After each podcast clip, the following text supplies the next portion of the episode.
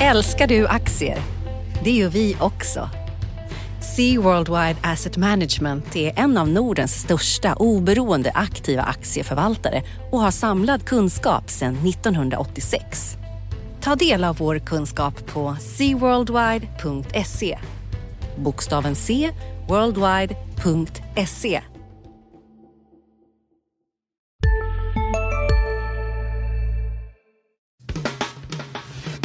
Analyspodden från Dagens Industri.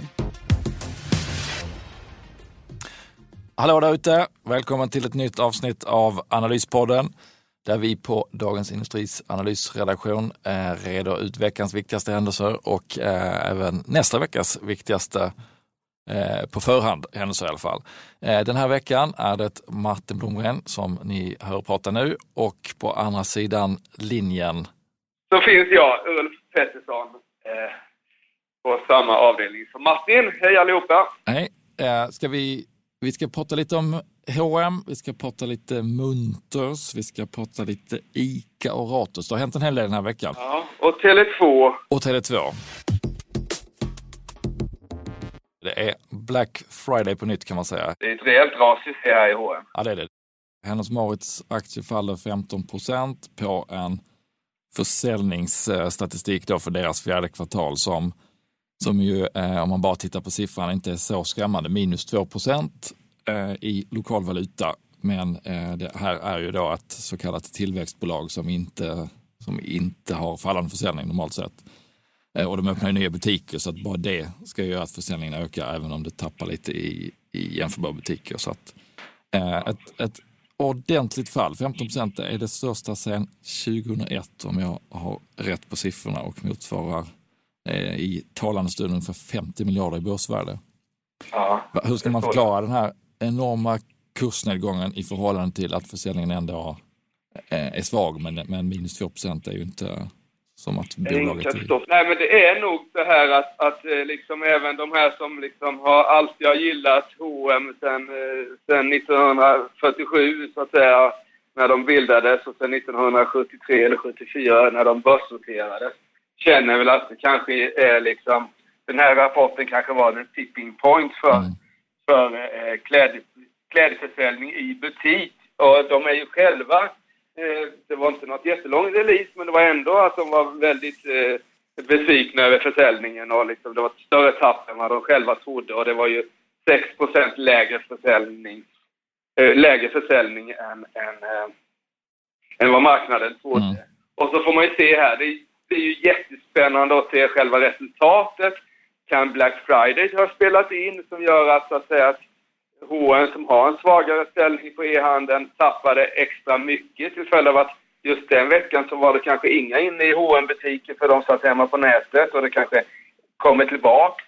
Eh, hur mycket kläder har de i lager om de nu har liksom minskat försäljningen här och det är mycket sämre än vad de trodde? Hur ser, vad blir det för reor då? Det mm. kan ju liksom bli eh, fantastiskt. Nu är det, ska man komma ihåg att nu är det per sista november och vi har fortfarande decemberförsäljningen kvar här så det är inte liksom säsongen är ju, är ju inte slut riktigt. Eh, så man kan ju kanske hämta igen en del på en schysst julförsäljning. Men den stora grejen tror jag, det är det här att de sitter med 4000 butiker och folk sitter hemma på nätet och handlar och, och får ihop det. Det är egentligen dubbla problem. De pekar ju dels på att deras eget hm varumärke har haft en svag, ett svagt kvartal och sortimentsammansättningen sortimentssammansättningen inte har varit riktigt bra. Eh, och det är ju alltid ett problem om, om ens egna varor inte, eller ens egna koncept inte riktigt funkar. Men det är också det här om att trafiken på hela marknaden av fysiska butiker är sämre. Så att, eh, om det dels inte går så mycket folk förbi butikerna och de dels väljer andra än H&M's butiker så, så är det ju ett jätteproblem eh, som inte går att kompensera med, med nätet speciellt lätt.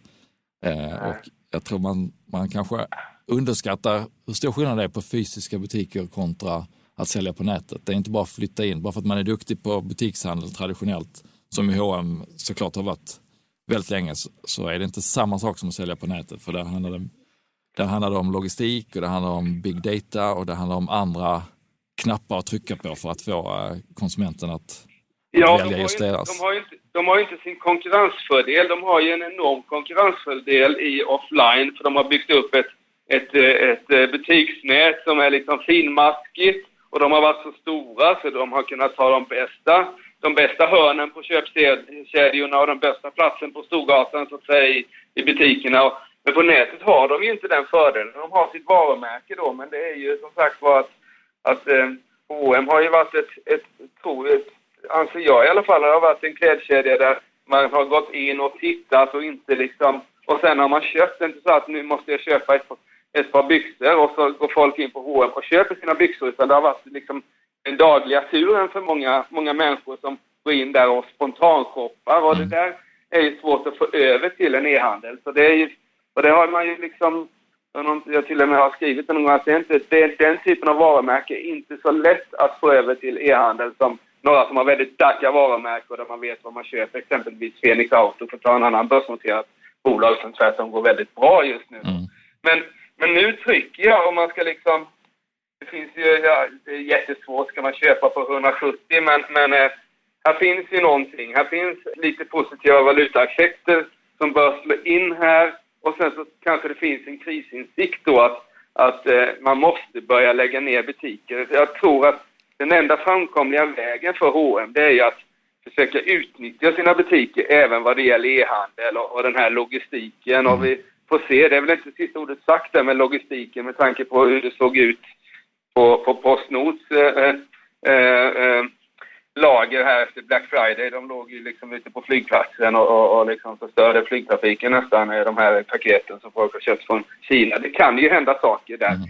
Och att det kan vara en fördel att ha Absolut, att man kan lämna tillbaka varor i fysiska butiker om, om det inte blir rätt. Det är ju ett uh, trumfkort gentemot dem där man måste skicka tillbaka och det blir mer bök för den som inte, när det inte blir rätt i beställningen. Nej, precis. För tar man de här eh, ASOS och i, i, i England och Zalando i hela mm. Europa eh, så har ju inte de faktiskt, de har ju inte alls de marginalerna som H&M har. Och det är klart att det, det kostar också att vara e-handlare när du får tillbaka en jäkla massa eh, varor hela tiden. Och där skulle H&M då kunna ha en framtida konkurrensfördel. Men jag tror att de måste våga tänka riktigt nytt här, mm. våga lägga ner butiker. Eh, och sen så, sen så göra som de gör nu, går med stora kinesiska eh, e-handlare med sina varumärken. Då handlar det också om att du kan inte sitta kvar med butikerna när, när du medvetet flyttar ut en del av din egen försäljning på andra. Då måste du liksom, du kan inte både ha liksom ett finmaskigt butiksnät och en ex, framförallt en extern eh, onlineförsäljning. Det blir lite, lite underligt. Men de är mycket kvar att göra på online. Alltså de, jag var inne och tittade, jag har inte köpt via H&M någon gång eh, på nätet, men eh, jag såg det kostade, vad var det, 40 respektive 80 spänn och frakta grejerna. Och det är klart att det är väl ekonomiska H&M som vill ha liksom täckning för liksom mm. det där, medan många andra, där får man ju grejerna gratis. Ja, det är en ny spelplan på det sättet att, att det går inte att sticka ut eh, negativt med fraktkostnader hur mycket som helst. Helst inte alls om man ska, om man ska kunna stå sig i konkurrensen. Så att, eh, det, det, är en ny spelplan på väldigt många sätt för H&M och eh, även på den fysiska sidan där de då tidigare kunde vara tillsammans med Sara kanske hyfsat ensamma om att vara eh, ska man säga, hög modegrad men ändå till lågt pris. Där finns ju de här Primark och eh, japanska Uniqlo, de här som är ännu billigare. Så att de, de blir attackerade från, från alla håll, både fysiskt och på eh, digitalt. Men eh, om man ska tänka som, som investerare då så är det ju så är det väldigt intressant eh, läge med tanke på att det har ju varit ett tillväxtbolag där vinsten i och för sig eh, och marginalerna slutade växa för länge sedan men försäljningen har ju fortsatt att växa Eh, och det gör det inte längre i det här kvartalet. Det gjorde det ju på hela året men inte i kvartalet. Så att, eh, de här höga P talen det, det kommer inte att synas på ett tag till. Men man ska inte heller glömma att det är ett bolag som kanske gör en vinst på 22-23 miljarder på rörelsenivå det här året.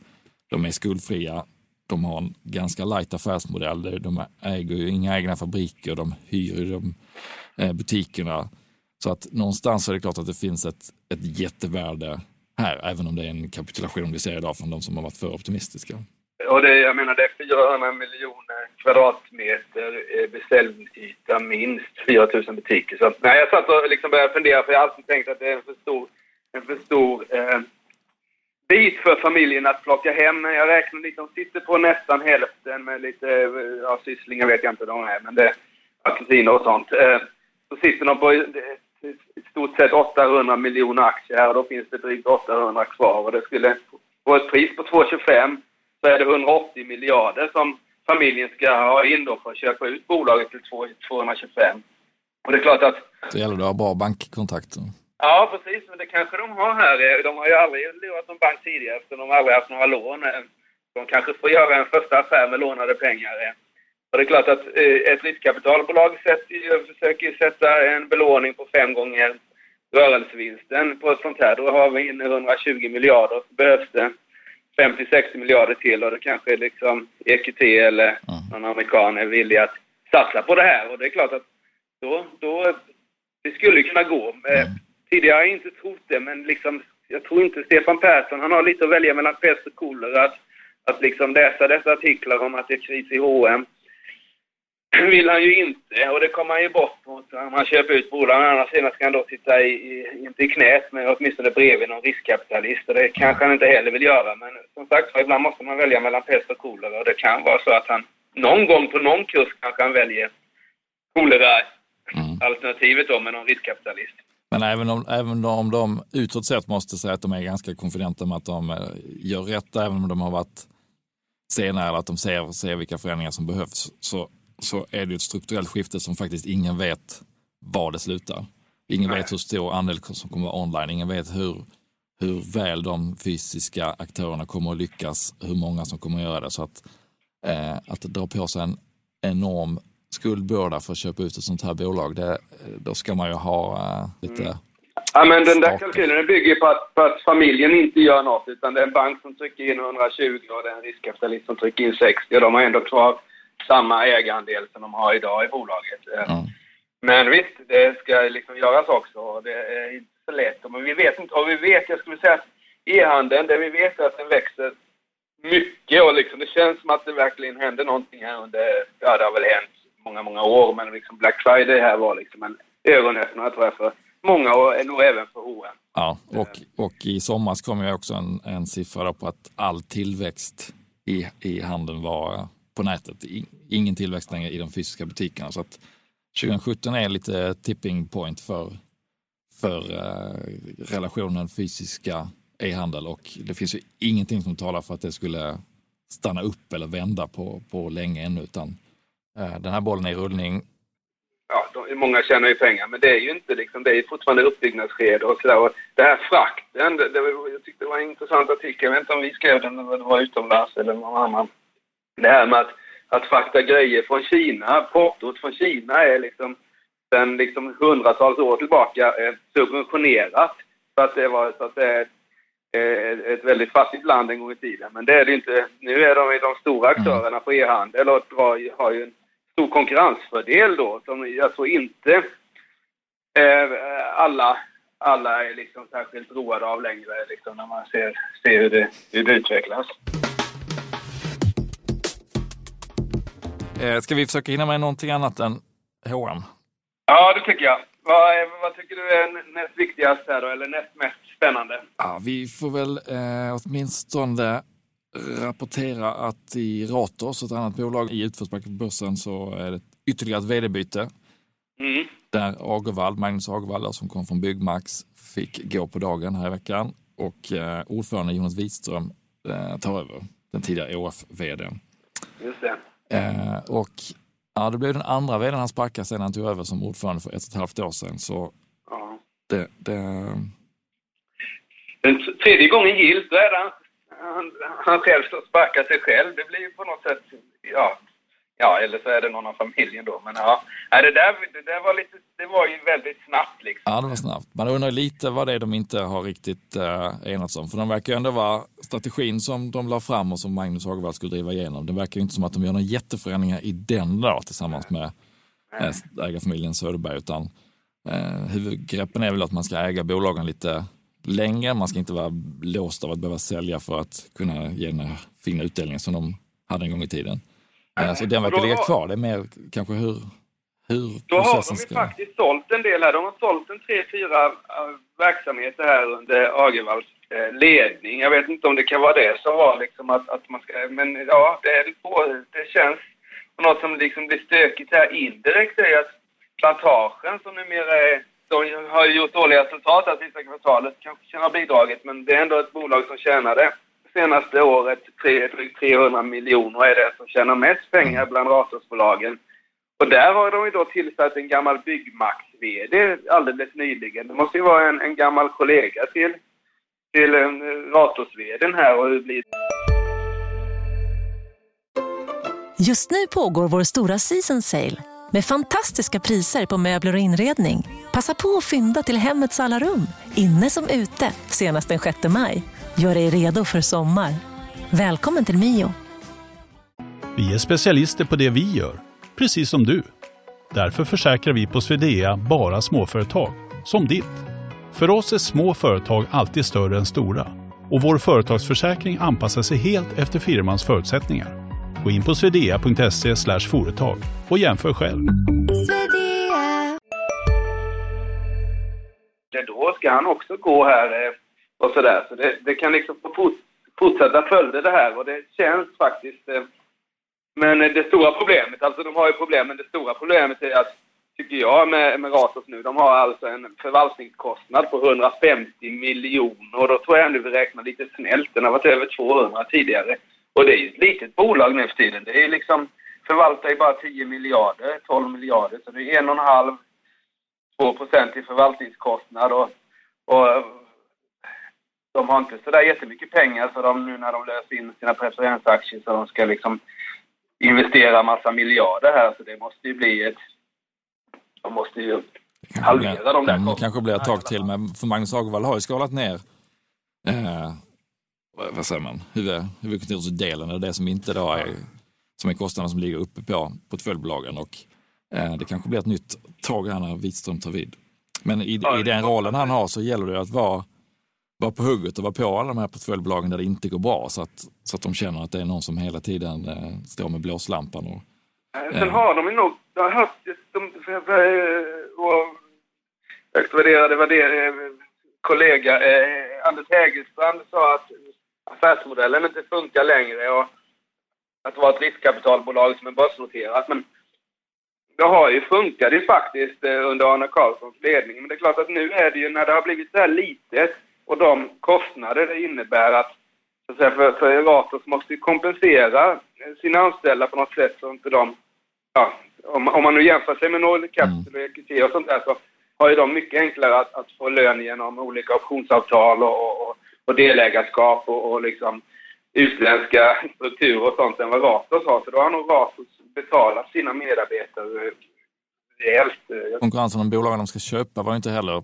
på samma nivå när de körde igång den här resan under Arne Carlsson. Så det är svårare att köpa billigt och, och de har då sålt fina bolag för att eh, delvis för att kunna täcka utdelningen och så har man blivit sittande med, med problembolagen. Om man Men det, det som känns skönt nu i alla fall, nu vet vi vem vi ska så att säga kritisera om två år när det inte går bra. För det är ju med, med som Jonas har gjort, kickat två stycken VD här och tagit, tagit, tagit över posten mm. själv. Då har man ju tagit mycket ansvar för Ratos kommande åren. Mm. Liksom. Ja, jag tror det är ingen quick fix det här, men, men rimligen så, så känner ju Jonas Wiström enormt ansvar för att reda upp det här om man har gjort den första rekryteringen var inte hans, men om man sparkar en vd, rekryterar en ny som man sen tvingas sparka och själv sätter sig i, i förarstolen, då, då kan man inte jobba halvtid utan då får man eh, ligga i lite. Du, eh, Munters? Ja, ytterligare en, eh, det är ett tema kurssänkare här den här veckan. En, en vinstvarning för Munters, ja, de, de kom till börsen i maj och sen kommit med två svaga rapporter. Eh, och sen en vinstvarning för fjärde kvartalet nu. Och det som spökar på nytt är deras affärsområde datacenter där de ska sälja kyl, kylande utrustning till, eh, till datacenter. Och det är ett område som, det visste man om innan noteringen, att det är liksom slagit i efterfrågan. Det kan sticka iväg flera hundra procent i order och sen så kan det vara stilt i ett kvartal. Men, men att de inte skulle lyckas överhuvudtaget göra vinst, eh, även om efterfrågan hoppar upp och ner, det var det väl ingen som trodde och inte de själva heller. Eh, så att det, en så svag start med både rapport, två rapporter och, och den här vinstvarningen och i ljuset av att man bröt ut det här datacentret som ett eget affärsområde precis innan börsnoteringen eh, och när man pitchade noteringen där aktien var högt värderad tyckte jag, i alla fall, så, så var ju det ett område som man sålde in det på, att man hade ett jättefint tillväxtområde. Så att, eh, mm, det, det är ju lite surt. Och Nordic Capital då, som, som satt på börsen, eh, om man ska vara skadeglad så kan man då glädjas åt att de åtminstone har kvar 50 procent av aktierna, så de, de får också ta stryk. Och normalt sett vid den här tiden, det har gått ungefär sju månader sedan de satte det på börsen, så brukar man ju se de första sådana här eh, ABB, accelererade bookbuildings, att, att storägaren börjar gå ur sin poster för de, i deras fondstruktur så är det ju inte tanken att de ska vara kvar här för evigt utan de ska gå ut ur sitt ägande och det hade varit normalt att de börjar med det nu men med tanke på den här utvecklingen så kommer de nog behöva bli sittande ett tag för att visa att, eh, att det är inte så illa som, som aktiemarknaden tror. Ja, precis. Och den fortsätter faktiskt ner här. Det smällde ingen rekyl eh, i aktien heller, utan den går ju ner även på fredagen och är ju en, eh, jag för mig att man, kunde köpa, man fick köpa den för 55 i noteringen och nu ja, är det 50. Så den ja. är under noteringskurs. Vi har ändå haft en positiv börsutveckling. Ja. Och i grunden, är, i grunden finns det ju jättemycket bra i Muntus. Det är ett, ett bra bolag och datacentermarknaden, slutmarknaden växer. Så det är inte där problemet är, utan det är ju att priset var för högt vid eh, noteringen och att eh, datacenter kanske fick för mycket plats i ljuset som ett eh, tillväxtområde när man inte kan följa upp det med att, eh, att lönsamheten i det området följer efter. Så att, eh, jag skulle det... fortsatt hålla mig lite avvaktande där och se om det inte kan bli ytterligare lite billigare. För de har väl, alltså nu, jag är så gammal så jag har inte tittat på nya Buntes utan det gamla Buntes som köptes ut från börsen för ett tag sedan. Men mm. då kommer jag ihåg ju, det var ju det bolaget man skulle äga när det stormade på östkusten i USA och sånt där för de behövde liksom eh, då fick de öka ja, då kom de och sanerade. Nej, men den, delen, den delen sålde de. Det var det som var hela katalysatorn till att de försvann egentligen. För att då kom, ja. eh, precis när det var klart, då, då började köparna flockas. Då kom först Alfa Laval och bud och sen hade ju Nordic Capital suttit och räknat på kammaren visade sig. Så de kunde ju direkt hoppa upp i ringen och, och slå tillbaka och sen slutade man att de tog hem det. Och sen har de ägt det fram tills i maj i år när de satte på börsen. Ja. Och under tiden har de då köpt lite bolag och stuvat om och så det här datacenter har man då lyft fram som, ett, eh, som en eh, framtidspjäs. Ja. Men det som skulle kunna hända i och för sig, det är ju att eh, de hade väldigt tunga ankarinvesteringar som, som tog drygt en fjärdedel av noteringen och bland annat FAM då, Wallenbergarnas bolag. Och vem vet, om Nordic Capital vill ut så kanske de kan med en, en häftig rabatt sälja en, en stor post till någon som vill vara kvar i bolaget väldigt länge för att som sagt det finns en slutefterfrågan där och det finns ju andra delar av Munter som är bra. Så att det begränsar ja. väl ändå nedsidan att, att det kan ju finnas långsiktiga ja, tagare och, och börsvärdet är inte så stort så att inte det är görbart. Nej, och FAM har ju pengar eh, och jag tror att de, de vill nog gärna vara en, en, en storägare i sina bolag. Eh, Lars Wedenborn där, det är de ju i, ja, det är de ju i de andra bolagen de har. Så det, det är faktiskt en tänkbar tagare av vi kanske ska ta och ringa och mäkla de aktierna i... Det hinner vi i eftermiddag. Det gör vi i eftermiddag. Vad ska vi prata om något roligt också då i, i den här stöket? Det är ju Tele2 som är upp 5 i, i, här på morgonen. Affärer i Holland va? Just det. De går ihop med T-Mobil där så de får 25% i det nya bolaget. Gör i sig en nedskrivning på en miljard eh, de har investerat, de investerat nog ett par miljarder per kvartal här för ett par år sedan eh, och sådär. Så det, det får de kanske inte riktigt ut i det nya bolaget då, men likväl de får ut lite cash, två miljarder om affären blir av. Och sen så äger de 25 procent av bolaget och eh, jag tror det är en jättebra affär för att eh, man kan liksom, man slipper investera i, i två nät och två, två säljorganisationer och två av allting. När man, jag tror det finns stora, stora synergier där. Och sen är frågan om man får göra affären. Det är ju ganska många affärer man inte får göra. Eh, eh, men jag tror nog, utan att vara expert på, på EUs konkurrensregel och Holland, just denna sekund så är de ändå, de, de är ändå en trea och kommer förbli en trea på marknaden. Så det borde ju liksom, det är inte ettan och tvåan som går ihop eller ettan som köper ut en konkurrent eller så, utan det är faktiskt eh, den affär i den mindre delen av den holländska eh, teleoperatörsmarknaden. Så jag tycker förutsättningarna är ändå okej. Okay. Um, ja, det är kul att det är någon aktie som stiger den här dagen. Ja, och den har gått väldigt bra. Det är, det är en av, nu ska vi inte summera årsskiftet, får vi göra en senare podd, men det är en, eh, Tele2 är ju, är, ja, jag inte det, ja, det är en av årets absolut bästa aktie på storbolagslistan i alla fall. Mm. Eh, stora händelser i veckan. ICA har haft kapitalmarknadsdag.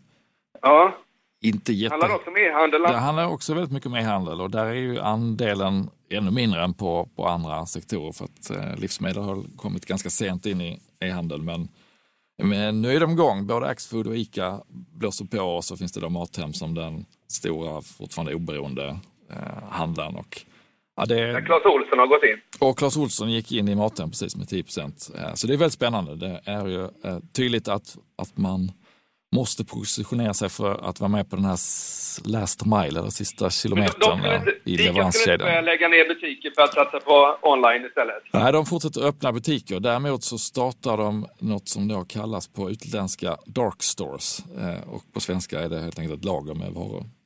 Där man kan plocka till e-handel. Istället för att man som idag när man handlar på ICA på nätet så, så plockas varorna i en butik eftersom Ja, det har jag Eh, sett på Ica- morgnarna. Ja, ICA ägs ju av sina handlare och eh, handlarna vill sälja från sin butik och därför är det den enskilda butiken som man handlar från. Eh, Men nu börjar volymen komma upp i den nivån att, att det är motiverat att ha eh, egna lager som bara servar i handeln, så kallade dark stores. Då. Så att, eh, det var väl det mest spännande egentligen under kapitalmarknadsdagen, annars upprepar den finansiella mål och sådär. Men Och, och det där är ju spännande för då är det ju för liksom mat, matbusinessen, livsmedelsindustrin är ju det spelar ju ingen roll om det är lågkonjunktur eller hög- högkonjunktur i stort sett. Så vi äter det vi äter. Ehm, men nu adderar ju faktiskt ICA och även Axfood en extra kostnad då i form av det här som du kallade eh, de här mörka lagerhållningsplatserna och sådär. Men de ska ha kvar sina butiker. Det blir ju också spännande så småningom när det, när det måste liksom hur man ska ta ut det där på något sätt. Om det ska bli dyrare att handla på nätet eller hur. På något sätt så måste det liksom... Ja. Mm, den här Mathem-affären med Clas Ohlson, det visar ju lite grann att om man sitter på den här sista leveransdelen, den som faktiskt tar hem sakerna till folk, så har man ju ett trumfkort att man kan ta in andra aktörer från sidan och, och delfinansiera leveranserna. För att, eh, det är ju Clas Ohlsons anledning till att gå in i det här samarbetet, att, att folk redan beställer från Mathem och får saker hem till dörren. Och att kunna stoppa ner sina prylar i de eh, påsarna eller det de vill åt. Och för ICAs del som redan har massor med utlämningsställen för, eh, för paket och sådär så skulle man då kunna lägga till till exempel att, att med eh, hemkörningen så får du också hem de här paketen som du har beställt från H&M eller vem det nu kan vara som du hade Ja. tänkt hämta ut i butiken. Och är det fel så är det bara att nästa gång du beställer mat så, så skickar du tillbaka dem. Eh, Så, Kan man, lä- så lägger du den nya skjortan i, i filmjölken. Ja, precis. Rullar in filmjölken i, i eh, kalsongerna. Eh, men kan man, kan man få den relationen så att man äger den sista, sista leveransdelen med kunden så, så sitter man ju i en bra position gentemot Ja, andra bolag som absolut. får vara med och Ja, det, betala för det. det är en ohyggligt spännande förändring eh, som vi säkert kommer att prata väldigt, väldigt mycket om. Eh, kanske redan detta året, men även framförallt nästa år och många år framöver. Den här e-handeln påverkar Definitivt. allt egentligen. Om vi ska kort blicka in i nästa vecka så är det fortsatt eh, detaljhandels och klädfokus. Det är ju tre små klädbolag som ska ut och dansa. Det är MQ, Kappahl och R&B. Mm. Och givet H&M's försäljningssiffror här på fredagen och givet eh, Kappahls tidigare vinstvarning, Clas Ohlsons eh, signaler för en svag novemberförsäljning så, så är det ju inget man ska kanske... Ja, man ska vara försiktig om man äger de aktierna, så mycket kan vi väl säga.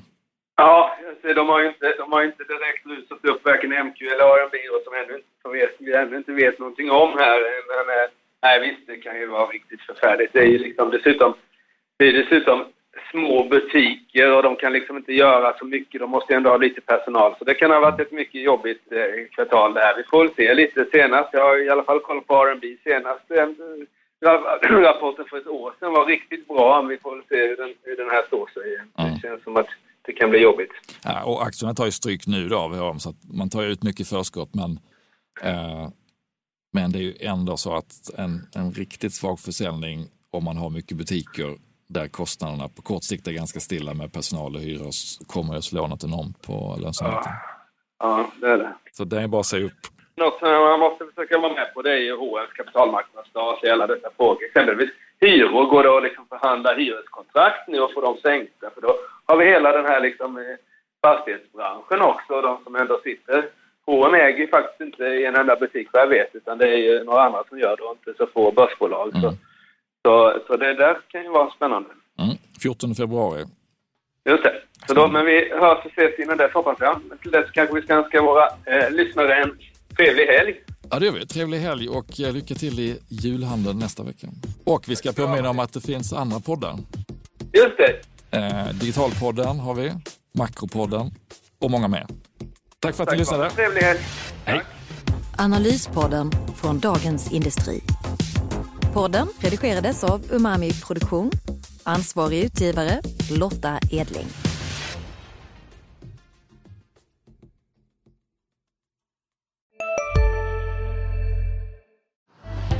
Älskar du aktier? Det gör vi också. Sea Worldwide Asset Management är en av Nordens största oberoende aktiva aktieförvaltare och har samlad kunskap sedan 1986. Ta del av vår kunskap på seaworldwide.se. Bokstaven C, worldwide.se